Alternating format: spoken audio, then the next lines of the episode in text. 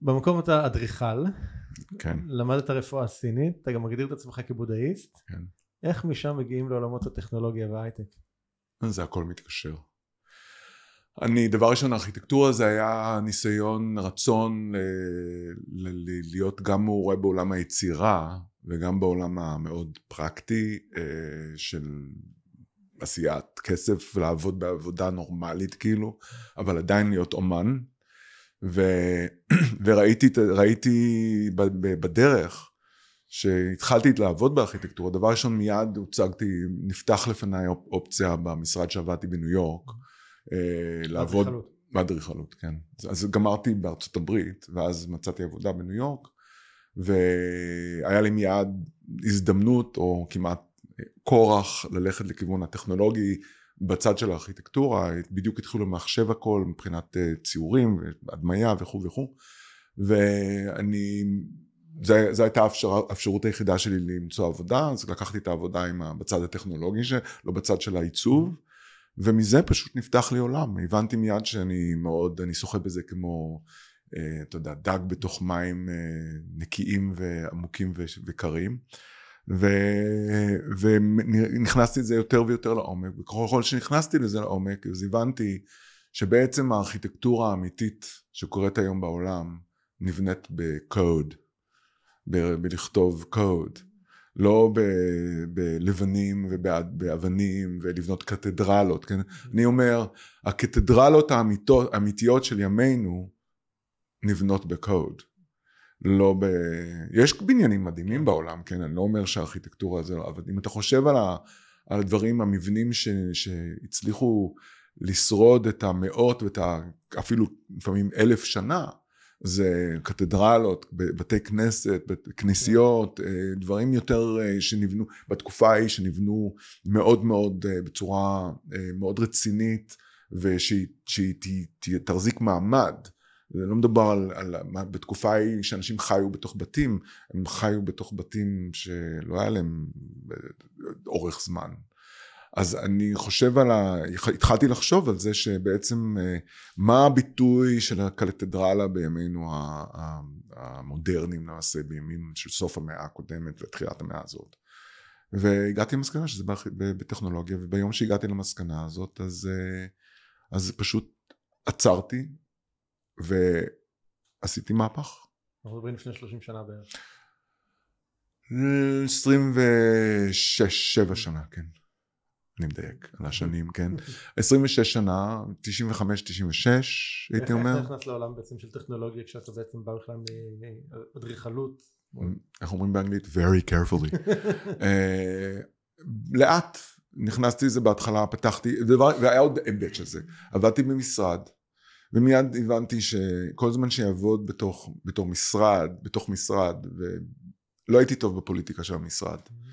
אז ידעתי שבאיזשהו מקום בתוך תוך ליבי, והייתי, you know, בסוף שנות ה-20, תחילת שנות ה-30, ידע, ידעתי בתוך, זה היה בסוף שנות ה-20 בעצם, שידעתי בתוך תוך ליבי שאם אני רוצה להגיע לצמרת, לפסגה, אז זה רק יהיה ב, ב, בגלל שאני פותח את החברה ואני מתחיל בפסגה. כי אם אני, תצ... אם אני צריך לעשות את, את הדרך, דרך פוליטיקה ומרפקים וכל מיני טקטיקות ואסטרטגיות בתוך, ה, you know, בתוך העולם של המשרד או בחברה, זו הייתה חברה בינלאומית שעבדתי בה, כן. אז בחיים אני לא אגיע, כי כל הזמן אמרתי את הדברים הלא-נכונים, ואתה יודע, חשבתי את המחשבות שהן לא קונפורמיסטיות, ו...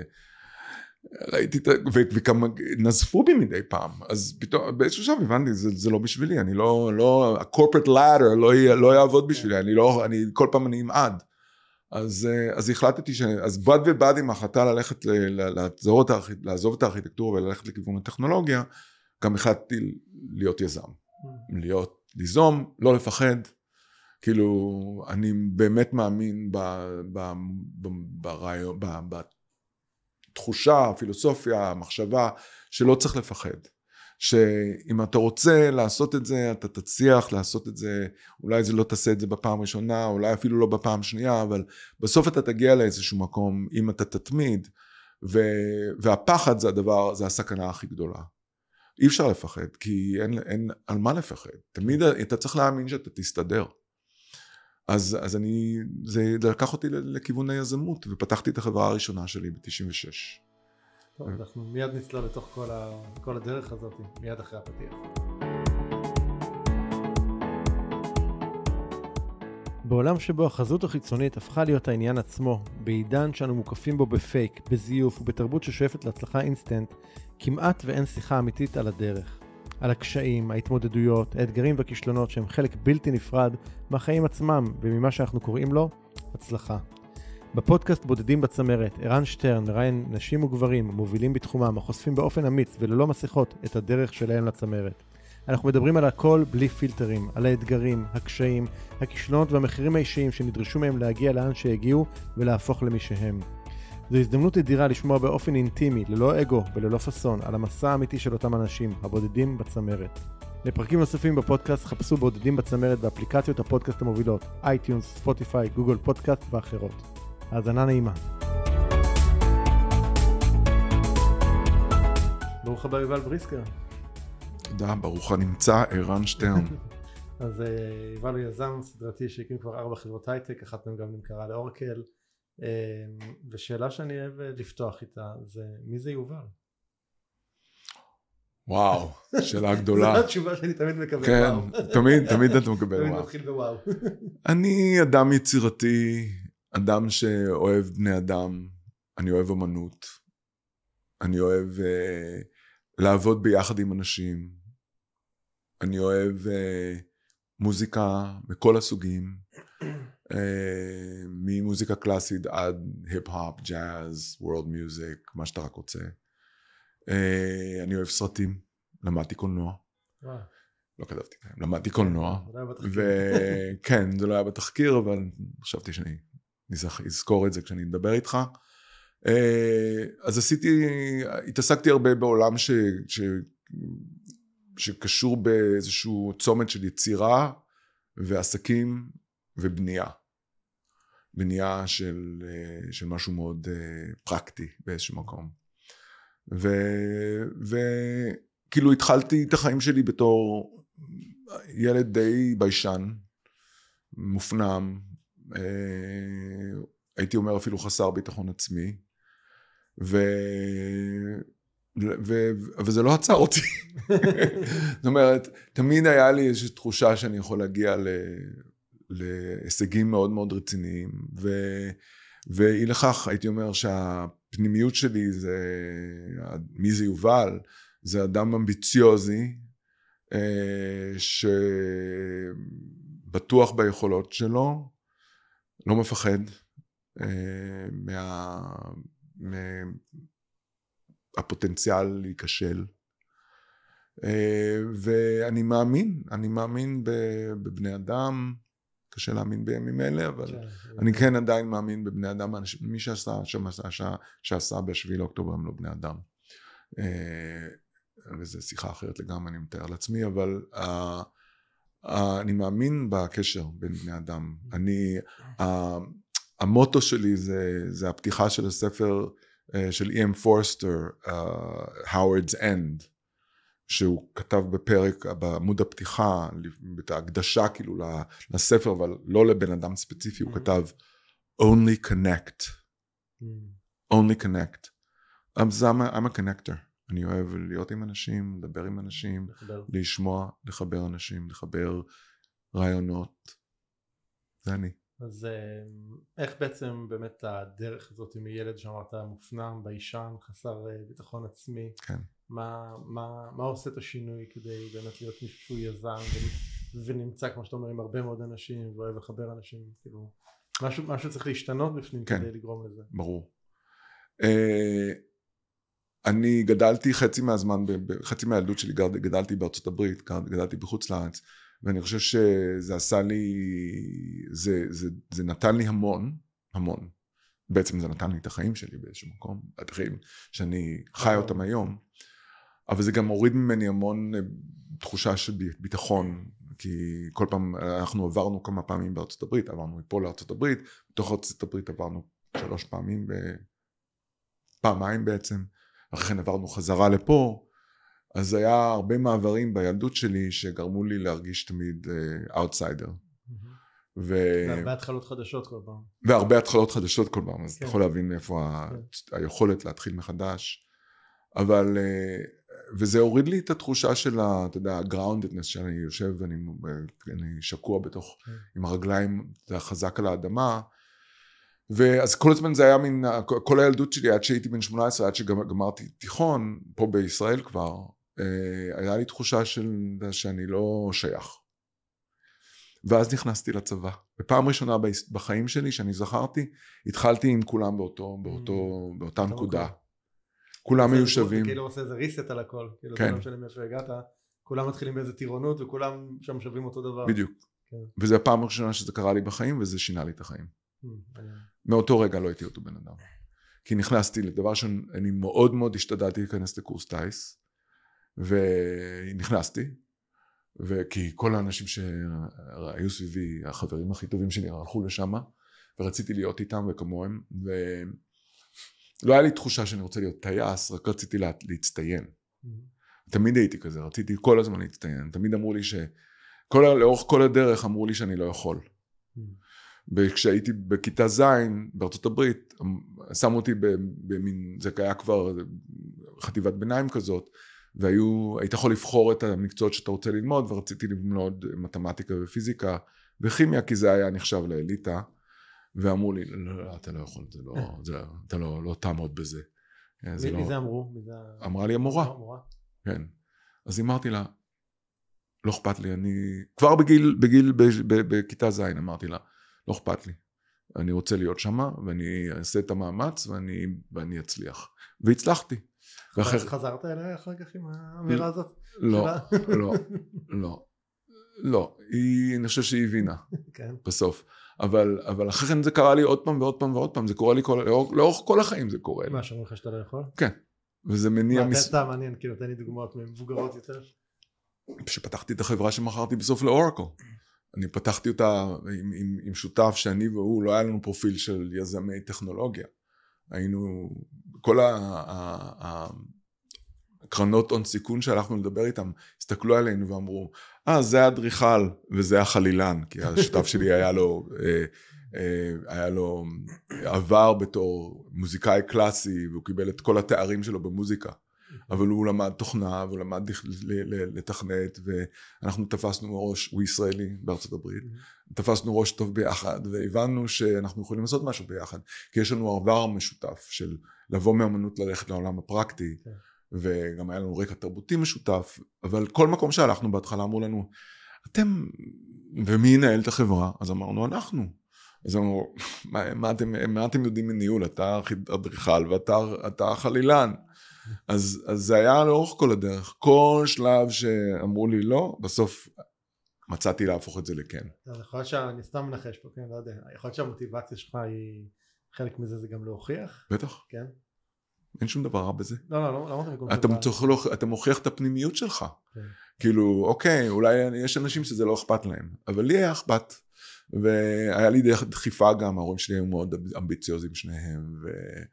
אז באתי מן מעולם כזה של אמביציה, ו... וחזון גם. ו... ולכן אני חושב שפשוט לא היה לי, זה לא היה החלטה, you know, קוגניטיבית, זה היה דחף פנימי. לה- לה- להצליח, ל- לשנות דברים, להשפיע על העולם. יש איזושהי נקודה שאתה זוכר שאמרת לעצמך כשהיית צעיר יותר של כאילו לשם אני רוצה להגיע או, או ככה תראה ההצלחה שלי זה משהו ששמת לך מול העיניים באיזושהי נקודה? כן. כן? איך, איך זה היה? כשנסעתי לארה"ב הבנתי שאני... זה היה, הייתי בגיל 27. נסעתי לארה"ב, הבנתי כבר שאני, או 28, אני כבר לא זוכר, עושה את המתמטיקה, אבל זכר, ידעתי שאני נוסע לשם כדי, לזה, כי פה זה עוד היה כפר קטן, זה מדובר על שנות, סוף שנות ה-80, תחילת שנות ה-90, וזה עוד לא היה המ- המ- המקום הקוסמופוליטי שהוא זה היום, כן? זה היה מקום מאוד סגור, לא, עוד לא, השקל עוד לא נסחר, ב, אתה יודע, בחופשי, אה, לא היו פה טיסות אה, לכל העולם, אנשים לא נסעו לשום מקום, זה לא היה, זה היה בעצם כפר, ואני לא, רציתי להצליח בגדול, ובגלל שבאתי מארצות זו הייתה הברית. כן, כי רציתי פלטפורמה גדולה. Mm. ובאותה תקופה זה היה בארכיטקטורה, כן? כן. אבל אני- הבנתי שאם אני רוצה פלטפורמה גדולה, אני צריך ללכת ארץ הגדולה. כן. במקרה זה גם ארץ שאני גדלתי בה. אז הרגשתי אה, מאוד נוח. בטח, אני הייתי שם שבע שנים בתור ילד. אז אני ידעתי לדבר אנגלית כמו אמריקאי, הרגשתי קצת אמריקאי, כי בתקופה שאני גדלתי בארצות הברית לא היה מין איפה ואיפה, או יש איזה רעיון מגדרי, או, או אתני, או דתי, לא, היו אמריקאי. ואם או שהיית אמריקאי או שלא היית אמריקאי, וכשהיינו בבית ספר, הייתם, לא, לא היה אכפת לאנשים מאיפה באתי, זה הייתי אמריקאי. אז, אה, וקשה לאנשים אולי להבין את זה, להבין את זה היום, בגלל שהעולם כל כך פתוח, ויש כאילו, ריכוז כל כך גדול על, על הזהות, על השונות גם. השונות והזהות וכו' וכו'. שאין לזה שום דבר רע, אני חושב. כן. אה, יש לזה צד, די, צדדים בעייתיים שאנחנו רואים אותם ככה בכל העולם היום. כן. אבל, אבל באותו זמן זה היה עוד זמן של כאילו, שניסו לעשות איזשהו אה, איחוד של האנשים אה, שבאו לארה"ב מכל העולם. והאיחוד הזה היה אנגלית ונאמנות לאמריקה. וזה לא משנה שאני הייתי בן של סטודנטים, אחרי אני הייתי בן של דיפלומטים, זה לא משנה. זה הייתי, הלכתי לבתי ספר ציבוריים, בשביל המורות והמורים והילדים שם הייתי כאחד האדם כאילו. כן. אז uh, ספגתי את זה מאוד עמוק, אז רציתי לחזור לשם. אבל זה, גם- זה היה בקומבינציה של לחזור לשם, לחזור להיות קשור לשורשים האלה, ובאותה מידה, והם היו באמת שורשים, ובאותה מידה גם ל, ל- ללכת למקום שהיא הפלטפורמה מאוד גדולה, וההצלחה נכון. יכולה להיות ענקית, כן. אז ככה אם אתה מסתכל על הקריירה שלך אחורה 30 שנה האלה מה, מה מבחינתך נקודות ציון המשמעותיות בדרך הזאת? דבר ראשון הצבא. אה, ההתגייסות לצה"ל, לחיל האוויר, והבנייה של הקשרים שבניתי שם בחיל האוויר, הם, הם בעצם מובילים אותי כל החיים, עד היום. יש לי עדיין חברים שם, אני יכול לעשות, לנתב את הרבה מאוד מהכישרונות שלי, או לא, הייתי, או, או, היכולות שלי, היכולות, לא כישרונות, היכולות שלי, והמבנה הפסיכולוגי שלי ביחס לעולם ולעבודה, ולחברות ולקומרדרי כמו שאומרים באנגלית אה, לצבא. וספציפית אתה שאל אותי איך עשיתי את המעבר מאדריכלות לטכנולוגיה בסוף זה היה קשור בחבר הכי טוב שלי בצבא שהוא לימד את עצמו לתכנת באופן, באופן עצמאי לגמרי לא הלך לבית ספר ופתח חברת תוכנה פה בארץ בסוף שנות התשעים ובגלל שהיינו מאוד קרובים והוא כבר ידע שאני מפוקס על עולם הטכנולוגיה והיה לי, כבר פתחתי את החברה הראשונה שלי וסגרתי את החברה הראשונה שלי. אפשר להיכנס לזה או לא, זה לא כל כך חשוב אה, אבל הוא גייס אותי לייצג אותו בארצות הברית, את החברה תוכנה שלו ולבנות לו את הסניף האמריקאי שלו.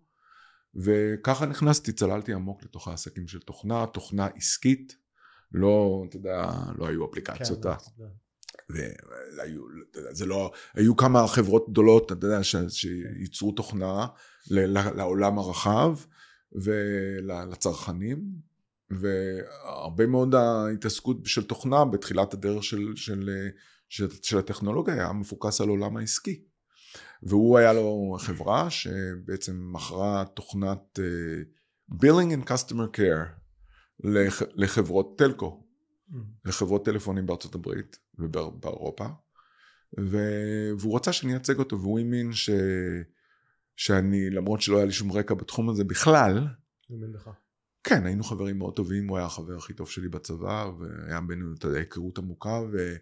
וגם תמיכה הדדית ב- גם הוא היה גדל בארצות הברית חלק מהילדות שלו היה בינינו קשר שוב פעם של העבר והוא נתן, והוא היה איש מאוד מאוד, אה, מאוד, מאוד אינטלקט, אינטליגנטי ואינטלקטואלי ו- ומעמיק, והוא נתן, הוא אמר לי, זה שטויות, אתה תוכל תוך, תוך חודש אתה מבין את הכל ואתה תוכל וואו. למכור את זה.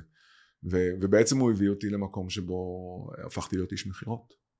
לא רק התחלתי לבנות את החברה שלו שם, אלא בעצם התחלתי לעבוד במכירות, והתחלתי להבין שהכוח של העסק הוא בשיווק ומכירות, שאתה יכול לקחת מוצר, בעצם מוצר דפוק, ואם אתה יודע למכור אותו כמו שצריך, מה, יש לך את, ה, את התאווה למכור אותו, את ההתלהבות, את האמונה ביכולת, ביכולת של המוצר הזה, אתה יכול למכור כל דבר. אמרת פה משהו שאני חושב שהוא מאוד מאוד חשוב אני עובד הרבה מאוד עם בעלי עסקים יודע, יש המון בעלי עסקים שמאוד טובים במה שהם עושים, כאילו ב, ב, ב, בעיסוק עצמו, ולתת את השירות, את המוצר, מה שזה יהיה. והרבה פעמים הצד הזה של השיווק והמכירה הוא הנקודת אה, חולשה שלהם. הרבה סולדים ממנו, הרבה מפחדים ממנו, לא אוהבים אותו, יש לנו מלא סיפורים על הדבר הזה. ואני, כמו שאמרת, אני מאוד מאמין שהיכולת הזאת של מכירה היא היא לשווק ולמכור את עצמך, את המוצר, מה שזה לא יהיה, זה אחד, ה, אחד היכולות הכי קריטיות. אה, אני יכול לספר על זה קוריוז, אתה רוצה. ש... אוקיי, אז, אז בוא, בוא, אני יכול לקפוץ לכל מיני מקומות, אבל רק קוריוז קטן על זה. בחברה שפתחתי עם ירד, החלילן, אה, ירד כרמי, אה, שאחרי כן מכרנו אותה לאורקל, שנינו היינו במצב שהיינו צריכים להיות במכירות. כי פיתחנו תוכנה מאוד משוכללת לניהול בני כוח אדם בשדה ואיך הגענו לזה אני יכול לספר לך אה, כי לא היה לנו שום רקע בתחום הזה זה היה עוד נושא ש... עוד, עוד היבט של מי זה יובל אין לי שום בעיה לקפוץ דברים שאין לי שום רקע בהם כן. כי אני חושב שאני מביא המון אה, הקשרים מכל העולם מכל החיים שלי מכל הנקודות ייחוס שלי ואני יכול ללמוד יש לי יכולת למידה זה החבר שלי מיכה החבר מהצבא אמר לי, אה, יש לך יכולת מידה, הנה, מדהימה, ואתה לא צריך לדאוג. אתה יודע, אנשים היו מאוד מאוד חשובים בחיים שלי, מבחינת לתת לי פידבק חיובי ולבנות לי את, ה. את הביטחון העצמי, זה היה קשר עם בני אדם. שזה גם עניין, אני חושב, שהוא לא טריוויאלי, כי להרבה, לא הרבה אנשים פתוחים מספיק כדי לקבל פידבק, לא הרבה אנשים כאילו... צריך שיהיה איזשהו אה, אה, אמון והסכמה רגע להיות פגיע מול בן אדם כן. כדי... ופתיחות, פתיחות, כן. אז הייתי אומר, כאילו, אז בתחילת הדרך, בתואה, זו החברה שאנחנו TOA, שפתחנו, TOA Technologies, שמכרנו, שוב, מכרנו אותה. בתחילת הדרך, שנינו צריכים להיות אנשי מכירות, וגם על משווקים, אז לי הייתה נטייה טבעית לשיווק, אבל אתה יודע, כמו שאתה עכשיו תיארת, מכירות נראה קצת מלוכלך. כן. כאילו זה קצת ללכלך את הידיים. ויום אחד אני וירד ואני הלכנו לאיזה, למסיבת הש, השנתית, הפתיחה השנתית של אחד מהלקוחות שלנו, וזה היה כאילו אירוע מכירות, כמו שעושים בארצות הברית, אתה יודע, סיילס איבנט, שהם ככה משיקים את השנה, ובאנו לאירוע הזה, וכאילו האורחי הכבוד היו אנשי המכירות של חברת בייר, חברת שהם קנו ממנה מוצרים, והמנהל מכירות הראשי שלהם נעמד לפני הקהל של העובדים של החברה הזאת, יש שם בטח 300 איש, והוא עמד ואמר בגאווה, אני איש מכירות. Hmm. אני, אנחנו כמו הטייסים, טייסי הקרב של העסק. נכנסים, אנשי הקומנדו, נכנסים, צוללים, עושים את העבודה, אתה יודע, בגבורה. והסתכלנו אחד על השני, אחד ואני, ואמרנו, אוקיי, עכשיו הבנו מה זה איש מכירות, ומאותו רגע לא היה לנו בכלל שאלה. אה, האם אנחנו, האם מכירות זה דבר מלוכלך או קצת לא נעים או whatever, לא, חשבנו על זה בתור פעולת קומנדו, בתור, אתה יודע, טייסים נכנסים לקרב, אתה יודע, לכבוש את המטרה מהאוויר, נכנסים, צוללים פנימה כמו... האמת שאני חושב שאני יכול להגיד על עצמי, כשאני הייתי שכיר תשע שנים באינטל וזה, וכשהחלטתי לצאת לדרך העצמאית, אז עוד, עוד בשנה האחרונה שלי באינטל התחלתי, אתה יודע, התחלתי להתעסק ולהשתפשף במה זה באמת למכור דברים. כן. ואני חושב שזה יכולת אה, אחת הכי חשובות שבטח בעידן של היום. תמיד זה היה, אבל אני, בטח בעידן של היום. אני, אה, אני חושב שזה מאוד חשוב שאתה מאמין במה שאתה מוכר. ברור. ואני תמיד האמנתי, במיוחד בחברות שאני הקמתי, שאני מוכר משהו שעוזר לאנשים באיזושהי צורה. שזה נותן לאנשים משהו, זה לא סתם כן. לוקח כסף או עושה כסף בגלל שזה עושה איזה פעולה. לא, זה בגלל שזה באמת באיזשהו מקום בסיסי עוזר לארגון, דרך, זה, זה, דרך העזרה לארגון זה עובר, עוזר לכל האנשים בארגון, למנהלים, לעשות יותר כסף, אבל הכסף בקטע הזה הוא, הוא פרנסה לכל האנשים שעובדים בחברה. אז מכרתי לחברות תמיד בידיעה שהמוצר שלי יעזור להם. יעזור להם להצליח, יעזור להם לקיים את העסק, להגדיל את העסק. עסק חייב לגדול. כן. הוא לא... זה כמו, כמו בן אדם, אתה לא גדל אתה מת, כן? אז, אה, אז, אז תמיד היה לי תחושת שליחות במכירות. אז לי, זה היה לי הרבה יותר קל, כי יכולתי לבוא עם האמת שלי, ולהאמין באופן כן שאני מביא איזשהו משהו טוב, ברכה, עזרה, שינוי. אז בעצם... אז הצבא, התחיל, הכל התחיל בצבא. ואחרי כן הייתי אומר, הדבר השני שעשיתי זה היה שהביא את ה... כי שאלת מה הפרקים, כאילו, כן. מה הנקודות ציון. הנסיעה הברית חד משמעית. המעבר לשם. כן, וההתחלה לעבוד בעולם האדריכלות ובצד הטכנולוגי. ואז למעשה העבודה שעשיתי מול החברה הישראלית הזאת, והדבר הכי חשוב שעשיתי כמובן שיצרתי את הקשר הזה עם האדם שהקמתי איתו את החברה הראשונה, חברת הטכנולוגיה הראשונה שלי, זה ירד, כרמי, והוא בן אדם שנתן לי את הכי הרבה פידבק חיובי כמו שאומרים. הוא נתן לי מיד התחושה שהוא מאמין בי ושהוא, ש, שאני, שהוא יכול ללכת אחריי ושאנחנו ביחד נוכל לנצח ושאין שום דבר שיכול לעצור אותנו והוא כל הזמן אמר לי, פמפם אותי ואמר לי כמה אני טוב והוא עוד אומר לי את זה היום דרך אגב. אה, וזה מאוד שינה לי, אז כאילו ש... כן, החברה שמכרנו לאורקל ב-2014. תאר רגע את רגע המכירה, מה אתה מרגיש? אוי, זה היה דבר מאוד מורכב, בגלל שמכרתי חברה שכל המתכנתים שלה היו באוקראינה ב-2014 שהתחילה המלחמה. אתה קולט מה שאמרתי עכשיו, אמרתי לך? מכר, מכרתי חברה שכל המתכנתים שלה, כל הטכנולוגיה שלה, כל ה-IP שלה, ישב באוקראינה, במזרח אוקראינה, שהתחילה המלחמה והוא כבש את קרימיה ו- ולקח את דרום מזרח אוקראינה. והמלחמה הייתה במרחק 200 קילומטר ממרכז הפיתוח שלנו, והיינו, והיינו צריכים למכור את החברה לאורקל. והם באו לקנות, הם באו לקנות אותנו בלי ידיעה שהמתכנתים אה, כולם באוקראינה, שאנחנו היינו בארצות הברית. אז הרגע של המכירה היה מאוד מורכב, כי הוא היה כרוך בהמון המון נקודות מאוד מאוד רגישות של אה, כמעט אכזבה, כי הם כן התלבטו. הם כן התלבטו אם לקנות או לא לקנות. וברגע, ביום שהם הביאו את ה... את, את, אבל בסוף הם החליטו, הם עשו מלא due diligence, כן.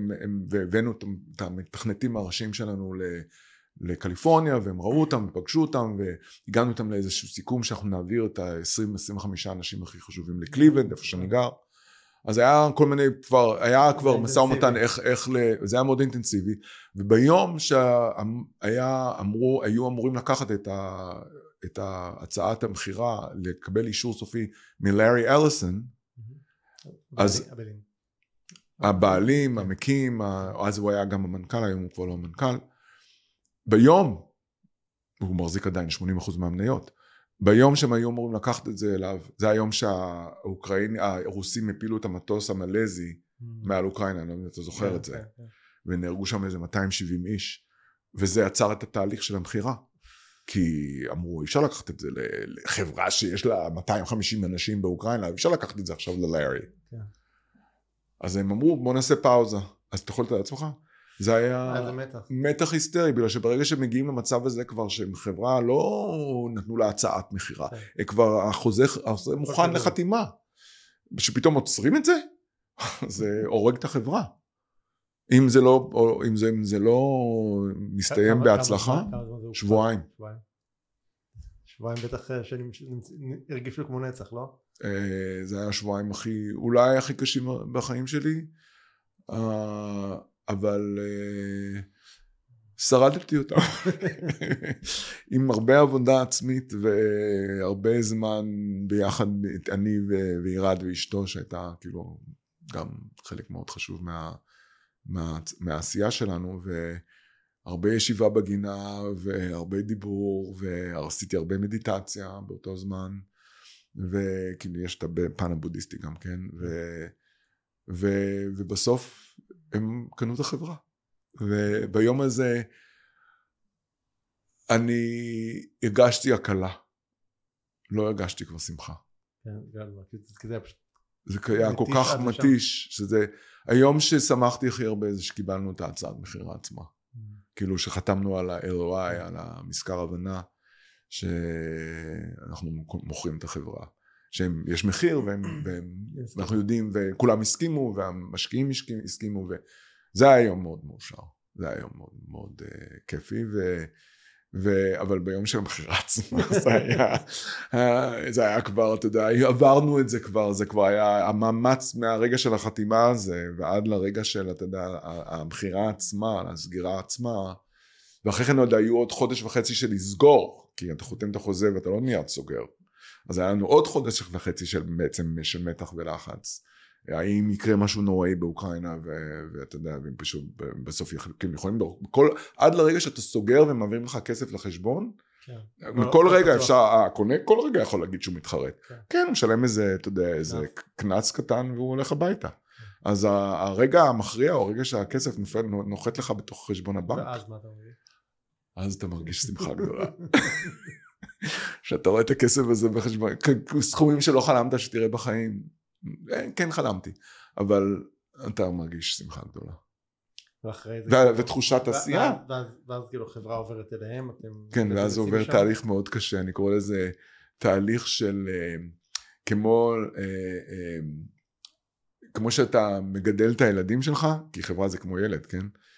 וכי עובדים לך 800 ילדים, הם לא ילדים, הם בני אדם, אבל כל מה שאתה עושה שם זה במסגרת, אתה בעצם האבא. ואי לכך זה כאילו אני אומר זה כמו שהילד הולך לקולג' בהתחלה אתה מרגיש מה זה תחושה של הנה או חיסרון אתה מרגיש שאתה מאבד משהו אתה מרגיש שאתה צריך אתה עובר תהליך כן. למרות שהכסף שיושב בחשבון זה לא משנה את התחושה שאתה בנית משהו ופתאום עכשיו יש איזה כנפיים משל עצמו. ואתה כבר לא אחראי אין לך זה לא אין לך זכות החלטה יותר. לא שייך לך. אתה יודע הבוס שלי באורקל כי אני המשכתי להיות המנכ"ל שאני, שזה אדם מאוד אקטיבי, אדם מאוד... בחברה הזאת. כן, באורקל. חברה כן, של 150 אלף לא, לא, איש. כן. כן, היינו בפן של אורקל, הייתי שם שנתיים, שנתיים ורבע. אה, והיה לי מאוד טוב שם. ופתאום יש לך בוס מעל הראש. יש לי בוס, אבל אני לא צריך לדאוג למשכורות. כן. לא, אני לא צריך לדאוג לתקציבים, לא צריך כלום, אבל יש לי פתאום בוס. ואתה יודע, ואני הייתי בוס, הייתי בוס כבר עשר שנים. יותר, הייתי בוס כמעט 15 שנה. ו... מה לעבור מלהיות בוס, מנכ"ל, שכל כל מילה שלך, זה, אתה אפילו לא יודע, ירד היה צריך לפעמים להגיד לי, אתה יודע, היה לוקח אותי הצידה ויגיד, אתה יודע שאתה אומר, אה, מעניין אם אפשר לעשות את זה, או הלוואי שיכולנו לעשות את זה, יש איזה עשרה אנשים שרצים החוצה ועושים את זה, בלי שאתה תגיד להם, כאילו אז הבנתי את הכוח, כן, של מישהו שיושב בראש פירמידה.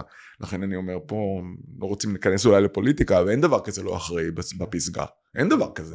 אני חוויתי את זה על בשרי. ברגע שאתה אומר משהו, עשרה אנשים רוצים לעשות את זה.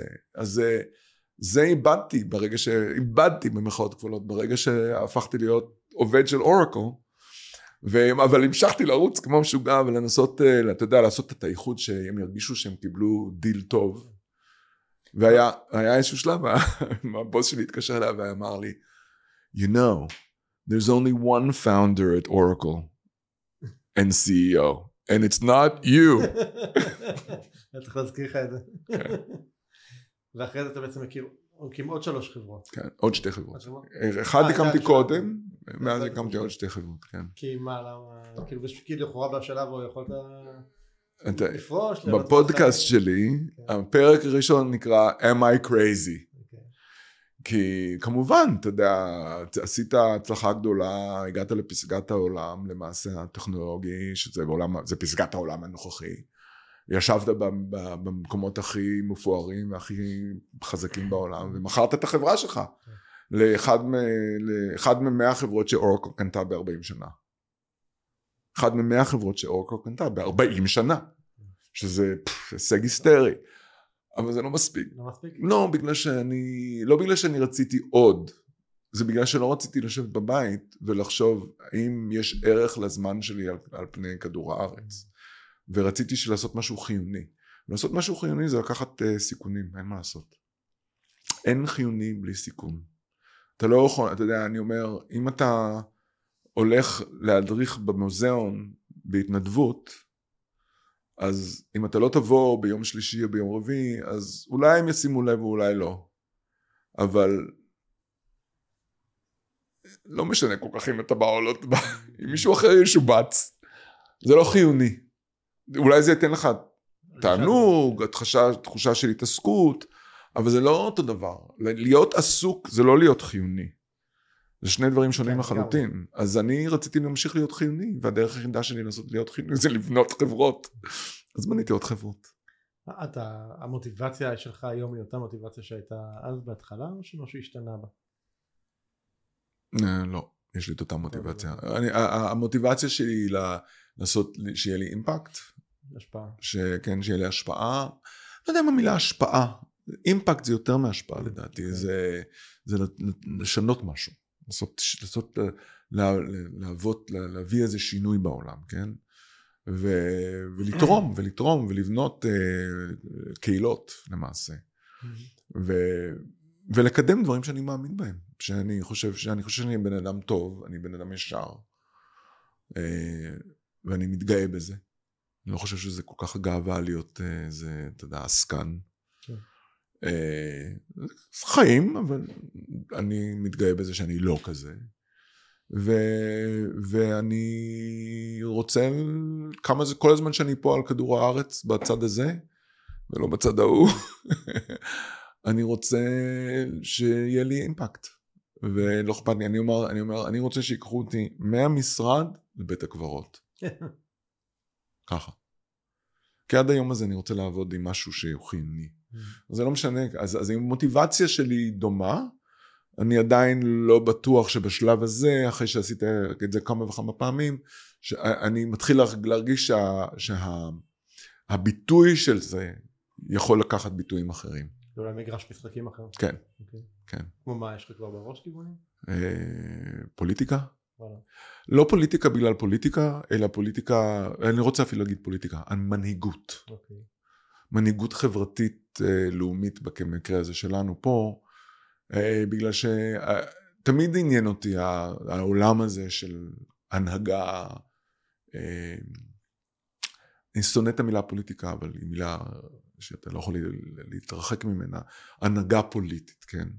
אה, זה עניין אותי תמיד, בגלל שמעניין אותי מנהיגות, מנהיגות מעניינת אותי. אני מנהיג, חושב שאני מנהיג. והרגשתי מאז גיל מסוים שאני מנהיג, וכמובן שהכרתי את עירד, הוא אמר לי, אתה מנהיג. ואז אמרתי, אה, כן, אני מנהיג באמת. אז, אה,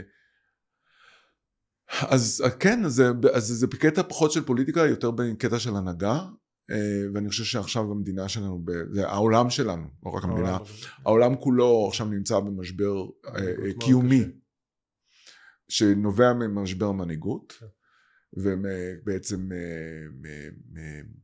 הכפשת הנושא של מה זה מנהיג, מה ההגדרה של הנהגה, אה, הכפשה, הכפשה, אה, בגידה במושג הזה.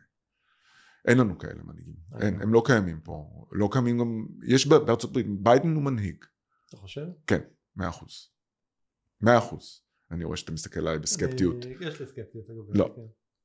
חד משמעית, אין לי ספק שהוא מנהיג, ואני יכול להגיד לך, אני יכול להגיד לך למה, אם אנחנו רוצים להיכנס לזה, אולי לא, אבל, אבל פחות- מעניין אותנו פה, אולי בפודקאסט אחר, אבל אני כן חושב שהוא מגדיר בשבילי מה זה הנהגה. זה לקחת אחריות דבר ראשון. דבר שני זה להוביל. דבר שני זה לעשות דברים שהם יוצאי דופן, שהם שוברים את הקופסה קצת. ודבר שלישי זה, אה, או רביעי או חמישי, לא משנה, זה אמונה באנשים, הרצון לעזור לבני אדם בצורה לא אגוצנטרית, בצורה שהיא חסרת אה, התעסקות ב, ב, בקידום העצמי שלך בלבד. ברור שיש קידום עצמי, אבל, אבל זה לא רק קידום עצמי, ויש איזושהי הקרבה. ברגע שאתה הולך להיות נשיא ארצות הברית, אתה מקריב את החיים שלך, אין לך חיים, אתה נשיא ארצות הברית. דבר ראשון אתה נשיא, אחרי כן אתה ג'ו ביידן או ברק אובמה, אני לא אדבר על הנשיא הקודם, אה, שהוא, כל מה שהוא היה זה הוא, כן? אני לא מזכיר את השם שלו דרך אגב. מסרב. כמו שאני לא אזכיר את השם של הראש הממשלה הנוכחי שלנו. אני מסרב לתת, לתת ל- ל- לשמות האלה את הכוח ב, בשמיעה בעולם. אז, אז אבל אובמה או קלינטון או, או, או, או ביידן הם מנהיגים. ואני לקחתי מהם המון השראה. מה, מה, איך היית מגדיר הצלחה? מה זה הצלחה בשבילך? זה שאתה מצליח להביא אושר ואושר לאנשים אחרים. זהו, פשוט מאוד. יודע, בדרך לכל... אה, אושר ואושר, לא אמרתי רק א', אמרתי, לא אמרתי רק עין, אמרתי גם א'. ב- אתה יודע, בכל, אה, בכל דרך, בכל מסלול, כל מסע חיים כזה יש, אה, בסופו של דבר יש גם מחירים ש, שמשלמים כדי להגיע לאן שאנחנו מגיעים. מה, מה אתה חושב שהמחירים שאתה שילמת בדרך שלך? אני, אני חושב שהמחיר הכי גדול שאנשים משלמים על, על מנת להצליח באמת, זה בחיים האישיים שלהם. ושלך? גם. גם. ואני חושב שאתה, בין אם אתה נשוי או לא נשוי, בין אם יש ילדים או לא ילדים, אתה, אתה משלם את המחירים. אתה לא יכול להיות אדם מצליח בעצם. אתה חייב לשים את ה... אתה חייב לעשות סדר עדיפויות. ואם הסדר עדיפויות מספר אחת זה הצלחה, או לעשות, להשפיע, כמו שאתה אומר, כי להתעורר ולהגשים, להגשים, זה בעצם יותר להגשים, כמו שאתה כמו שכתבת. אם, הרעיון, אם, הדחף שלך זה להגשים, אז אתה, זה חייב להיות פריוריטי מספר אחת, זה עדיפות א', ואז כולם שנמצאים בתוך החיים האישיים שלך סובלים. באיזושהי צורה, למרות שהם יכול להיות תומכים בך, והם אוהבים אותך ורוצים, אז כן, זה שם שילמתי מחיר די... כן, אבל אתה יודע, אני, אני אדם מאוד uh, פרקטי בקטע הזה. אני, אני, אני, מתר, אני מתרכז על, ה, על החיובי, לא על השלילי. אני לא מאמין ב... אתה שאלת אותי בהכנה, האם יש משהו שאני מתחרט עליו, ואני אומר, לא, אני לא מתחרט על כלום. Regrette rien, כמו שאמרה אדית פיאף. לא, לא, לא חושב שזה דרך uh, לחיות את החיים בחרטה. Uh, שפינוזה אמר, שחרטה זה הטעות השנייה. ברגע ששמעתי את המשפט הזה הפסקתי להתחרט בחיים. יש בזה, יש בזה הרבה. תגיד מה, עוד, דבר ככה, להגיע לצמרת, להיות בצמרת זה הרבה בדידות גם. יש בזה הרבה מה לבד. איך, איך אתה חווה, חווית את זה? בהרבה עצבנות וסטרס. לא, לא, לא, לא אייפה את זה, זה לא יפה. אבל שוב, זה הכל חוזר לאמונה הפנימית שלך. האומה, האמונה והאמת. האמונה והאמת. זה הכל חוזר לזה בלאו הכי. הכל חוזר לזה. כל מה שאנחנו רואים סביבנו חוזר לזה. אמונה ואמת. אנחנו מאמינים במנהיגים האלה? לא. למה? כי הם לא מספרים לנו את האמת. זה הכל קשור ביחד. כן. אז זה, זה, זה, זה מתחיל אצלך אישית, וזה עובר לקהילה שלך, למשפחה שלך, לקהילה שלך, למדינה ולסביבה שלך, כן? והכוח של המנהיג זה או להתרכז על אמונה ואמת, או לא, וכשאתה שואל אותי למה ביידן הוא כן מנהיג, בגלל שזה כן מוביל אותו. ו- ואני חושב שאוקיי, הוא זקן, אז מה? אנחנו מזלזלים בזקנה? זה ממש, זה, זה, זה נראה לי, זה, זה, זה, זה, נגד, זה נגד עשרת הדיברות. כתוב כבד את אביך ואמך פן יאריך פן תאריך תאריך תאריכו ימיך יאריכו ימיך לא זוכר בדיוק אבל כתוב כבד את אביך ואמך מה זה אומר לא רק אבא שלי ושלך או אמא שלי כל אדם שהוא בעצם בעמדת של זקנה או, או ידע או, או שהם בעצם יכול להיות אבא שלך ביידן יכול להיות אבא שלי ושלך כן. אז אני מסתכל עליו ואני אומר, כבד את אביך ואימך. ואם יש סיבה לא, כי אתה, כי הוא אין אמונה, אין אמת ואין אמונה, כמו עם הנשיא הקודם של הברית, או ראש הממשלה והממשלה הנוכחית, ולדעתי כל הכנסת. Yeah. אז אם אין את אמת, אם הנשבר החוזה הזה של אמת ואמונה, ודרך אגב, כשאתה שובר את החוזה של האמת והאמונה, זה השבירה של trust. כן. אמון. אמון, אמונה, אני חושב שזה מה שקרה, מאמין, אמן. אני חושב שזה מה שקרה פה בשביעי לאוקטובר, כאילו... שבירת חוזה. שבירת חוזה... טוטאלי. לגמרי. כן. לגמרי. אני חושב שהרבה... הרבה מהשבר כאן ואני חושב שאת השבר הזה אנחנו עוד לא הגענו להרגיש אותו אנחנו עדיין עסוקים במלחמה וב... אני, אני מאמין אבל... שאתה יכול לעשות יותר מדבר אחת באותו זמן. אה, כן, לא, אבל... אתה יודע מה אומרים באנגלית. לא, אני חושב שנדבר רגע ברמה, כן. רמת ההכלה הפסיכולוגית אפילו שלנו כבני אדם, אני חושב שאנחנו עוד... עוברים תהליך. אנחנו, אנחנו נגיע לשם באמת למשבר אמון הזה. אבל מעניין אותי ככה, באמת, אם קצת התחלנו לגעת בזה. כן. אמ, שביעי באוקטובר אתה בארצות הברית. אי אפשר לא לגעת כן. בזה. לא, לא, אני באנגליה. אה, אתה באנגליה? כן. ומה, איך אתה... אז אני נוחת בלונדון ב-10 וחצי בבוקר, במטרה להיות שם יומיים. אה, ואז לנסוע משם לליסבון, שם המתכנתים שלי היום בליסבון. לא עושה את הטעות הזאת פעמיים, הולך למקום הכי שקט בעולם. כן. וגם השותף שלי הוא המקים, המקים שלי, המקים השותף שלי הוא, הוא פורטוגזי, הוא היה אחד מהעובדים שלי בחברה הקודמת. אני נוחת בלונדון, אני הולך בדרך החוצה, אני עוצר כזה במועדון ההגעה של וירג'ין, ואני אה, אה, מסתכל על הטלוויזיה ואני רואה 22 הרוגים בדרום ישראל בהתקפה של החמאס. ואני עושה לעצמי, וואו, 22 זה יותר מאשר כל האנשים שנהרגו בשנים האחרונות בעוטף. ואני יודע, אני מזדעזע, אני לא יודע, אני יכול להסתכל על זה ואני לא מאמין. אבל אתה יודע, אוקיי, 22, אתה יודע, זה נורא, אבל זה לא, אתה יודע, לא היה ברור מה קורה.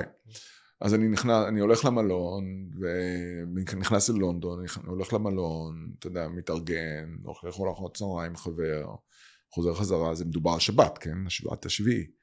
אז זה היה סוף שבוע, באתי לפגוש, אני, יש לי בעלות על גלריה בלונדון, בעניין כל הדברים שאני עושה, אז יש לי גלריה בלונדון שאני שותף בה, שאני השותף הבכיר בה מבחינת ההחזקות, אבל מי שמנהל אותה זה, זה כמה, זה שלושה בחורים אה, בריטים, שהם היום חברים שלי, ובאתי גם להיפגש איתם ולדבר על, על, על התוכניות לגלריה, וגם לראות אותם, לא ראיתי אותם הרבה זמן, ו... ואז אני הולך לאכול איתו ארוחת צהריים, ואנחנו חוזרים חזרה בשש, שבע בערב, ואני רואה, אתה יודע, כשהגעתי למלון כבר היה איזה שלוש מאות. אוקיי. שזה כבר היה, או 200, משהו נורא כזה כבר. ואז כשחזרתי חזרה מה, מהמסעדה, היה כבר 600. היה איזה, לאיזה זמן מסוים היה 600, 700. כן, עם כל שעה כמעט. כן, אה, הם, כן. כן. ואז הלכתי לארוחת ערב וחזרתי חזרה, אה, זה היה נורא. אז קמתי להם ביום ראשון בבוקר ואמרתי לעצמי וואו העולם פשוט השתנה זהו העולם לא אותו עולם והרגשתי ממש אה, כאילו אתה יודע בעטו לי בביצים ושמו לי אגרוף בתוך הבטן באותו זמן ו... והייתי אמור להיות יומיים, אבל לא יכולתי לעזוב את המלון. לא יכולתי לצאת מהמלון, הייתי כל כך באבל ודפרסיה ועצב ו... וכעס כמובן מעורב עם זה על הדבר הזה שיושב לנו פה בשלטון. ופשוט וה... הייתי בלונדון שבוע. הייתי אמור להיות מראשון בשבת עד שני, נשארתי משבת עד שישי. וכל השבוע הייתי במין, אתה יודע, במין הזיה כזאת, אה, תחושה של, גם של בדידות וגם של עצב וכאב וגם דאגה כמובן למה שקורה בארץ. והלכתי הרבה בפארק, הסתובבתי לבד, והתחלתי לדבר עם אנשים. ואז כשהגעתי לליסבון, פתאום נחת עליי, שפגשתי את יאיר גולן לפני uh, שנה, לא ידעתי מי הוא, לא ידעתי שום דבר עליו. כלום, רק פגשתי אותו במסיבה אצל הגיס שלי ואצל נילי. ו... ודיברתי איתו, ומה זה התרשמתי. ובסוף שאלתי אותו, תגיד, אז מה אתה עושה בחיים? אז הוא אמר לי, הייתי סגן הרמטכ"ל, ועכשיו, עד לפני חודש הייתי חבר כנסת. אתה יודע, אפילו זה לא עשה לי רושם. פגשתי את לארי אלסון, פגשתי הרבה אנשים מאוד מצליחים, מאוד אה, בעלי כוח. אבל למחרת שהלכתי לבקר חברים שלי ואמרתי אה, פגשתי איזה, איזה אלוף לשעבר אה, יאיר גולן. אז חברים שלי אמרו וואו יאיר גולן זה בן אדם יוצא דופן. אז אה, תייגתי את זה באופן כללי בתוך המוח ואז כשהגיע השביעי לא חשבתי עליו מיד ואז שמעתי מה הוא עשה. איך הוא הקריב את החיים שלו בעצם על מנת להציל אנשים אחרים. ואז הבנתי שאני חייב להתקשר אליו, צלצלתי לגיס שלי, אמרתי לו, מה יאיר עושה עכשיו? הוא אומר, אה, במקרה הוא בא לפה מחר לארוחת ערב. ואמרתי, אני רוצה לדבר איתו. גיבור ישראל. מציל אנשים, אדם, משכמו ומעלה. אין דבר כזה. אף אחד שם בממשלה היה מוכן לעשות מה שהוא עשה. אף אחד בכנסת לא היה מוכן לעשות מה שהוא עשה. אז, אז רק אדם כזה יכול להנהיג אותנו היום. אני לא יכול, אני יכול, אתה רואה, אני, כשאני מתלהב משהו אני יודע למכור את הטוב, אבל אני, זה, זה הצד המכירות שלי, כן? רק אדם כזה יכול להנהיג אותה, אדם שיש לו אמת, אמונה, יושר, אינטגריטי, אה, אה, אמינות, אה, והמון המון איך אומרים? courageous, שהוא אמיץ, אומץ, אדם עם המון אומץ, אומץ עם, עם יכולת הקרבה בשביל הזולת, בשביל הזולת, לא רק בשביל עצמו. ומיד הבנתי שאני צריך לעזוב הכל ולבוא לפה. אז בעצם זה גם שאני לא בקשר שלנו, כי כשהגעת אז נילי אמרה לי, תשמע, יש בן אדם מאוד מעניין ששווה לך כן. לראיין. כן. זה מה שעשיתי, פשוט התפטרתי מה, מהתפקיד שלי, וכבר חשבתי על זה כמה חודשים, שהגיע הזמן שאני אעשה איזה מעבר, אבל זה השביעי סגר את זה לגמרי. מה, ידעת שאתה מתפטר? לא, הבנתי שאני צריך לבוא לפה ולעזור לו באיזושהי צורה. אין, אין, לא היה... העם היהודי הוא נמצא בכל העולם, לא רק פה. ומה שקרה בשביעי זה היה התקפה על העם היהודי. לא רק על ההתקפה על ישראל או על הישראלים. ואי לכך, אתה לא יכול לשבת היום בארצות הברית, אף יהודי לא יושב היום בארצות הברית, ב, אתה יודע, באיזה מין... רק הטיפשים חושבים שזה לא הולך לגעת בהם. כל היהודים החכמים, שזה הייתי אומר 98% מהאנשים שאני מכיר שם, הם יודעים שזהו, איך אומרים באנגלית? The honeymoon is over. כן. uh, עם החברה האמריקאית. Uh, היהודים חיו שם בהגנה טוטאלית, בתחושה שהם הצליחו להשתלב, ושאף פעם לא יהיה נגדם אנטישמיות. ועכשיו פתאום, בא, אתה יודע, שבא הרגע המכריע, הפיצוץ הגדול, זה הפיצוץ הגדול. כן. לא מלחמת ששת הימים, או מלחמת 73, או כל מלחמה שהייתה עד אז. זה הפיצוץ הגדול. כי זה היה התקפה על בני אדם חפים מפשע, ברמה של השואה, רק יותר גרוע מהשואה. במספרים כמובן שהשואה אי אפשר להשוות אותה לשום כן. דבר, אבל הגרמנים, מי שמכיר אותם יודע, הם מכונות. אומרים לנו תלך תעשה את זה, הם עושים את זה, הם לא חושבים על המוסר שזה או לא המוסר שזה, הם עבדו את זה, הם עשו את זה כמו שהם עושים כל דבר. זה עבודה לעשות. כן. מה שאלה עשו פה בדרום, זה היה עבודת השטן. הם לא בני אדם. הם מייצגים רוע אמיתי, זה מה שביידן אמר שהוא בא לפה. הוא אמר, ראיתי את הרוע והנה זה הרוע. אז צריך פה, והרוע הזה קיבל איזשהו גושפנקה במהלכים פה במדינה, ב-16 שנה מאז שנתניהו כמעט בשלטון רצוף. אז אמרתי את זה, אמרתי את השם, איזה באסה, איזה באסה, נפלט לי. אז, אה, אז אה, את השם המפורש אמרתי, אבל לא השם הטוב. אז אה, אז, אז אני חושב שכאילו זה הכל חלק ממרקחת אחת, כן? אז אני מסתכל על זה מנקודת מבט שלי בתור ישראלי, אמריקאי, יהודי, אבל דבר ראשון אני יהודי. והנה כך אני צריך לעשות משהו לעזור לעם היהודי, לא רק לעם הישראלי. אני לא יכול לשבת שם בשילוב ידיים ולהגיד, טוב, זה בעיה של ישראלים. לא, זה בעיה של העם היהודי. אתה אופטימי? מאוד. כן? כן. מה, לאן אתה חושב שאנחנו, זה ייקח אותנו מהאירוע הזה? כן. זה רעידת אדמה נפשית, פסיכולוגית, מדינית, פוליטית, קיומית. ברמות הכי בסיסיות של הקיום של האדם והחברה. ואני נוסע רק במוניות כמו שסיפרתי לך, למה? בגלל שאני אוהב, אני רוצה לשמוע מה אנשים חושבים שאני לא הייתי פוגש אותם באופן נורמלי. ואני נוסע ממוצע שתיים עד שלוש מוניות ביום, היום היום השלוש עשרה שאני פה, כבר דיברתי עם ארבעים נהגים. לא כולם דיברתי, אבל הייתי אומר חצי מהם דיברתי בעצם בעמוק, ואנשים לא באותו מקום שהם היו לפני חודשיים. אף אחד לא רוצה. אף לא היה אדם אחד שפגשתי שאמר שמישהו, שהשלטון צריך להישאר במקום, שמישהו מהאנשים האלה יש להם זכות להמשיך להנהיג את המדינה, שלא צריך לקרות פה דבר אה, מאוד מאוד מאוד שונה ובסיסי, וצריך, לה, שכל הקלפים נטרפו, וצריך להתחיל מחדש. כולם חושבים את זה. כן. זה שיש פה את היסודות והאושיות של המדינה, המכניקה של המדינה עוד איכשהו פועל, זה רק נותן לנו את היכולת לבנות מחדש.